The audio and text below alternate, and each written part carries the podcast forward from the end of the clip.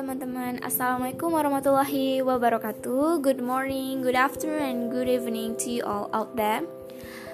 Kembali lagi bersama Rastri Thought uh, Semoga hari ini kalian dalam keadaan sehat tentunya Dan memiliki hari yang cerah serta semangat baru Dan memulai hari baru lebih baik lagi daripada hari kemarinnya Nah, untuk kali ini episodenya lebih kepada uh, seperti uh, muhasabah diri atau yang biasa dengan bahasa yang tepatnya bahasa Indonesia itu ya renungan diri kita kayak kita refresh diri kita lagi. Dan ini mungkin agak kembali ke uh, masa lalu sedikit ya nggak banyak membahas masa lalu uh, karena ini berdasarkan dari experience experience aku. Nah to start this episode memulai episode ini uh, Rara akan kasih kalian satu quote. Bunyinya gini. Keluarga adalah pendidik utama dan lingkungan adalah pendukung. Oleh karena itu, jadilah pribadi yang bijak untuk memilih agen pendukung. Nah, quotes ini mau tahu nggak siapa yang tulisin atau siapa yang nulis quotes ini? Pastinya um, aku dong yang nulis. Nah, ini adalah salah satu quotes aku, tapi spesial untuk kalian karena quotes ini uh, belum di, di dicetak karena ya masih mempersiapkan naskah mengenai kumpulan quotes aku. Jadi spesial untuk di sini teman-teman semua bisa mendapatkan satu quotes dari aku. Walaupun quotesnya nggak terlalu begitu mana ya terlalu hebat atau kayak terlalu nggak seperti quotes-quotes yang lainnya, tapi aku lebih suka ke maknanya aja. Nah, di sini um, kembali lagi ya ke pembahasan uh, perihal quotes tadi.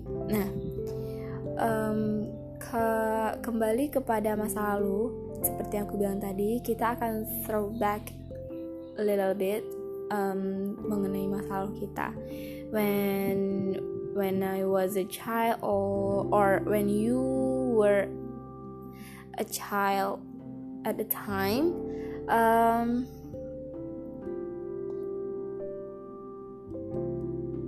gini pernah nggak sih ketika kalian waktu kecil itu gimana ya?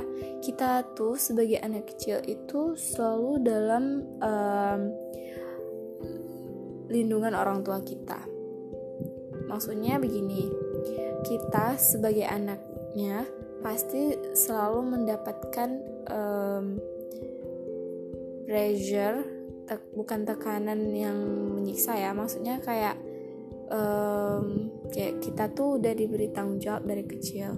Misalnya ketika kita udah udah bisa mengerjakan suatu hal seperti kayak nyuci piring atau um, nyuci Honda, nyapu rumah dan sebagainya, pasti kita uh, di dalam anggota keluarga atau di, di rumah kita tuh mendapatkan uh, kewajiban kita atau mendapatkan tanggung jawab kita sebagai seorang anak sebagai anggota dari keluarga untuk saling membantu dengan anggota keluarga lainnya baik itu dengan kakak, adik, orang tua dan uh, semuanya ini saling uh, berkontribusi untuk kepentingan di rumah dengan perannya masing-masing. Nah, jadi ketika kita kecil, saat kita udah bisa melakukan sedikit hal yang mungkin itu bisa membantu orang tua, um, kita pasti akan banyak dimintai um, diminta untuk melakukan suatu hal. Nah, pastikan kita saat kecil itu tuh kita kesal Nah, kita melakukan apa yang diminta orang tua itu bukan berdasarkan keinginan kita.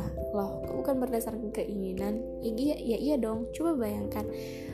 Um, ya contohnya Rara aja dulu waktu kecil kalau biar bisa pergi main harus misalnya cuci piring dulu atau kita nggak um, boleh uh, keluar atau pergi main di sore hari kalau nggak tidur siang atau misalnya PR dari sekolah belum selesai atau hmm, belum menyusun mata pelajaran untuk sekolah besok. Nah itu adalah salah satu hal kecil yang kita lakukan padahal berguna untuk diri kita. Dan itu um, secara tidak langsung dibentuk dari peran orang tua itu sendiri gitu. Bagaimana mereka mengasuh kita memberikan kita tanggung jawab sejak dini gitu Nah, dulu kita tuh melakukannya nggak totalitas, hanya berdasarkan um, takut kepada orang tua atau um, lebih seperti kepada uh, daripada mendapatkan punishment atau misalnya um,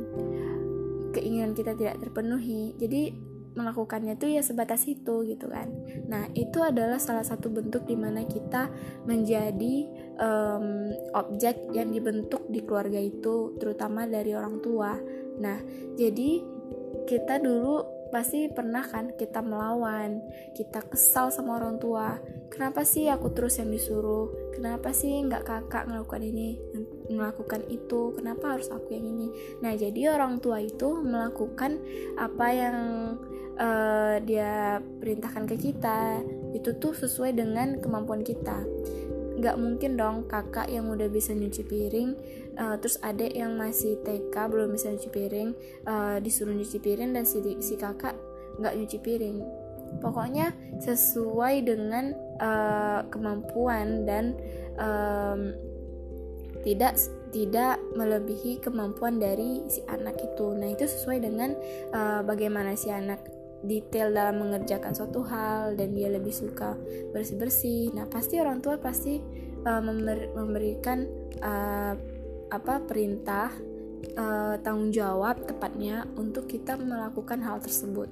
Jadi terkadang kita juga kenapa sih harus aku yang selalu um, di dapur atau kenapa sih harus aku yang selalu pergi-pergi keluar. Nah, mungkin saja kita ketika kita yang suka pergi keluar itu disuruh belanja kita yang lebih tahu di mana langganan mama kita gitu kan langganan bunda kita. Dan kita lebih tahu um, mungkin kalian pandai nawar gitu kan. Kalau aku sih belum tapi akan belajar dari bunda yang the best kalau nawar gitu.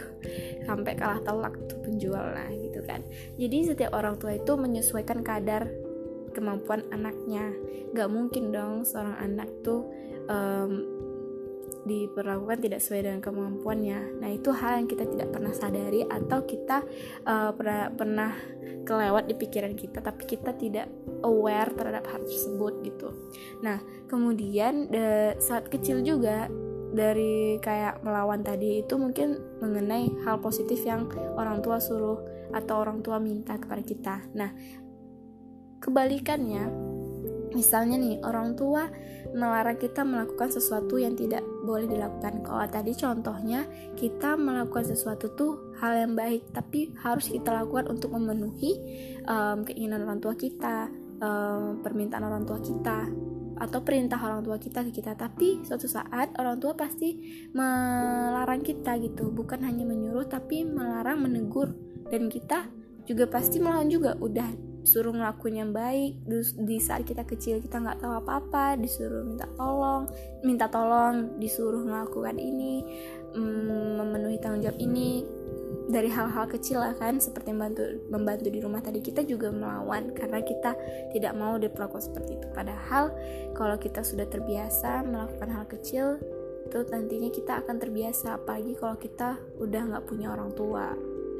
Itu kerasa banget dan kita kayak um, kita baru tahu dan sadar kalau kita tuh sangat um, apa namanya harus um, bukan sangat ya kita tuh bisa um, betapa kita tuh uh, memiliki uh, kita tuh dituntut untuk jadi anak yang mandiri ketika mereka nggak ada. Nah, jadi dari skill skill tadi itu kan ya skill yang ada di rumah tadi paling tidak kita bisa survive ketika orang tua kita bukan baik ketika mereka udah nggak ada lagi atau ketika kita jauh dari orang tua gitu kan atau ketika kita tahu nilai-nilai um, nilai-nilai di keluarga seperti kayak sopan santun atau misalnya ketika ke rumah orang orang uh, bukan ke rumah orang ya sih kayak ke rumah saudara kita kita harus melakukan apa uh, kita bertanya apa yang bisa kita bantu. Jadi um, semua itu adalah tujuan baik dari orang tua.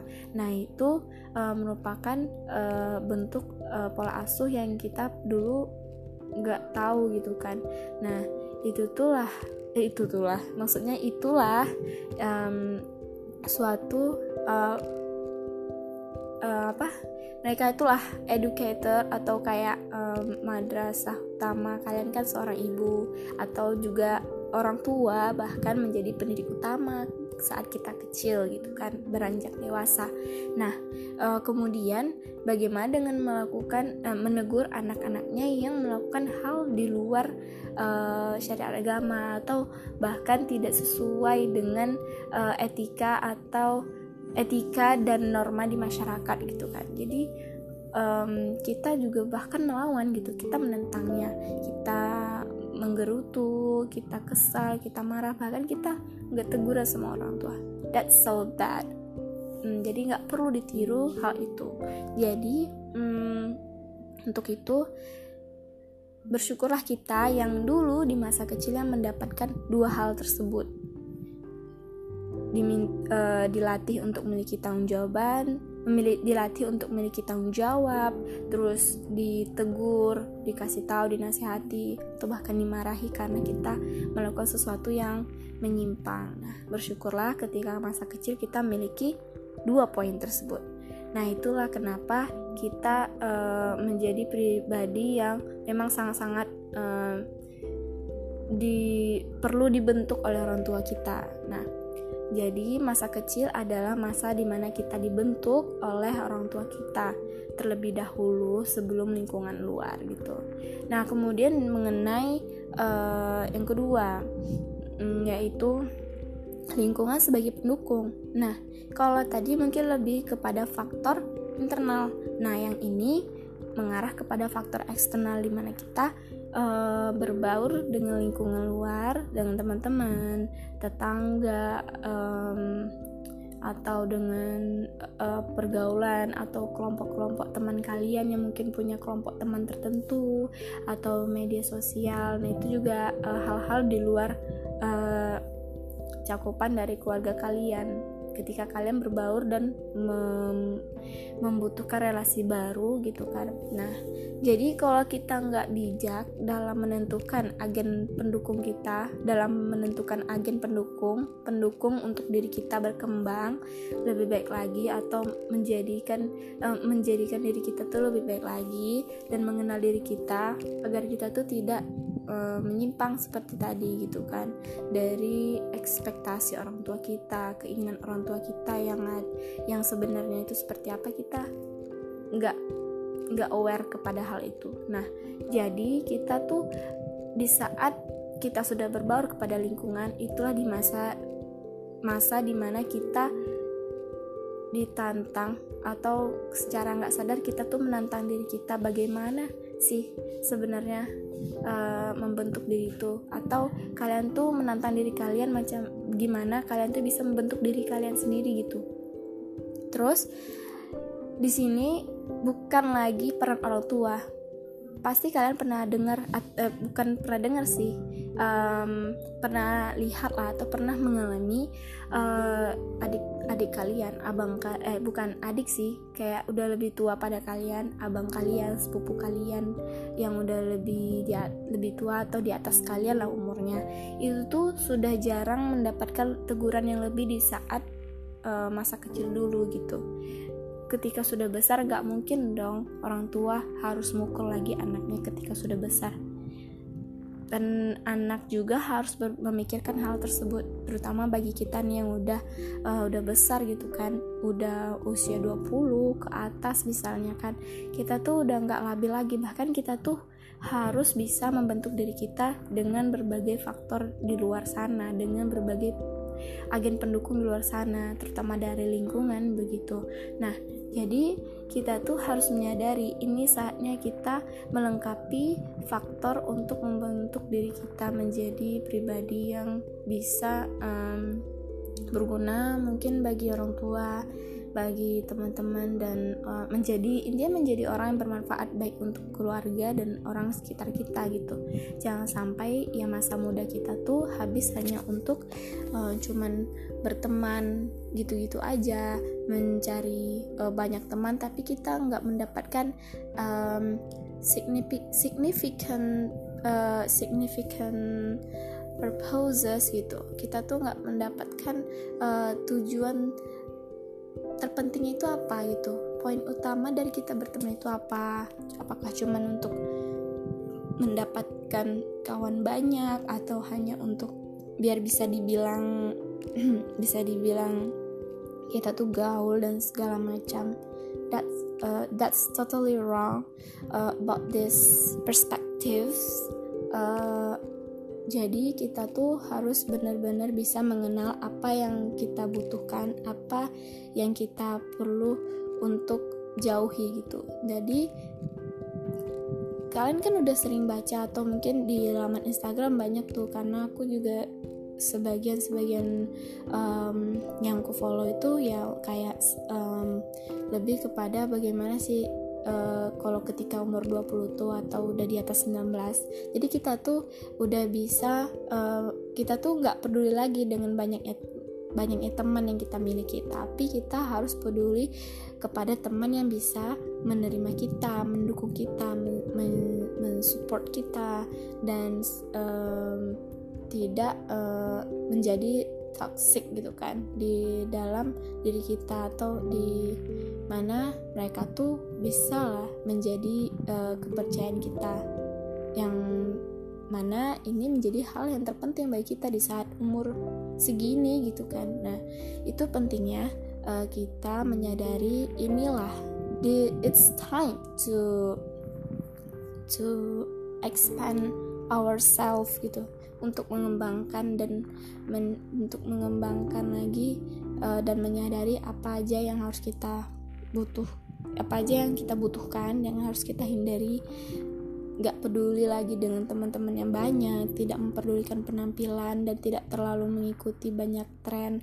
Kita lebih lebih fokus kepada diri kita self love kita lebih mencintai diri kita terlebih dahulu. Itulah bagaimana kita bisa membentuk pribadi kita yang um, di mana merupakan impian dari orang tua kita tadi juga gitu.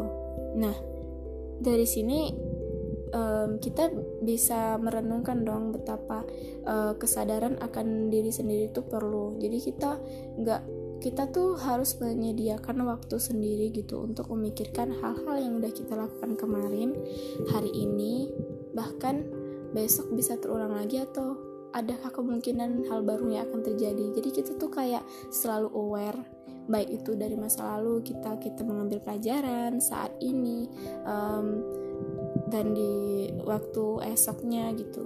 Sama seperti misalnya barat gini kita menyes uh, me, apa namanya kita tuh beristighfar atau menyesali kesalahan-kesalahan yang ada sebelumnya di hari sebelumnya dan kita minta maaf kepada orang-orang yang udah kita uh, kita sakiti atau kita berbuat salah pada dia. Hari ini kita bersyukur um, ya bersyukur atau bagi kalian yang yang muslim tentunya bisa mengucapkan ham begitu.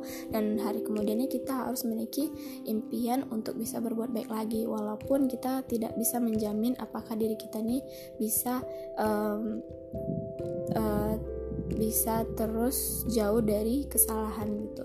Jadi itulah pentingnya uh, dibentuk dan membentuk. Jadi faktor internal dan eksternal.